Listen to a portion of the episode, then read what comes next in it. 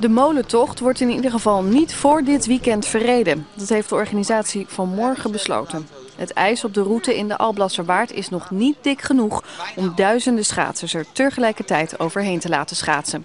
Voor de Rottemerentocht is het ijs wel dik genoeg. De organisatie wil die tocht vrijdag laten rijden, maar de vergunningen zijn nog niet geregeld. De proef in de regio Rotterdam met kleinere brandweerwagens en twee brandweerlieden erop in plaats van zes is geslaagd. Het staat in een nog vertrouwelijke evaluatie van het experiment.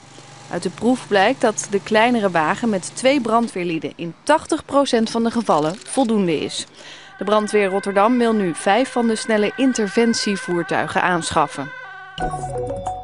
De brug die de Wilhelmina-pier met Katendrecht gaat verbinden, wordt vandaag geopend voor publiek. Voor Katendrechters is de 150 meter lange Rijnhavenbrug een snelle verbinding met de stad. Toeristen kunnen over de brug snel naar het stoomschip SS Rotterdam, het theater Walhalla en restaurants op Katendrecht. Door het koude weer van de afgelopen tijd is de brug nog niet helemaal af. Zo ontbreekt de beleiding van het wegdek en is de leuning nog niet helemaal klaar. De brug heeft nog geen officiële naam.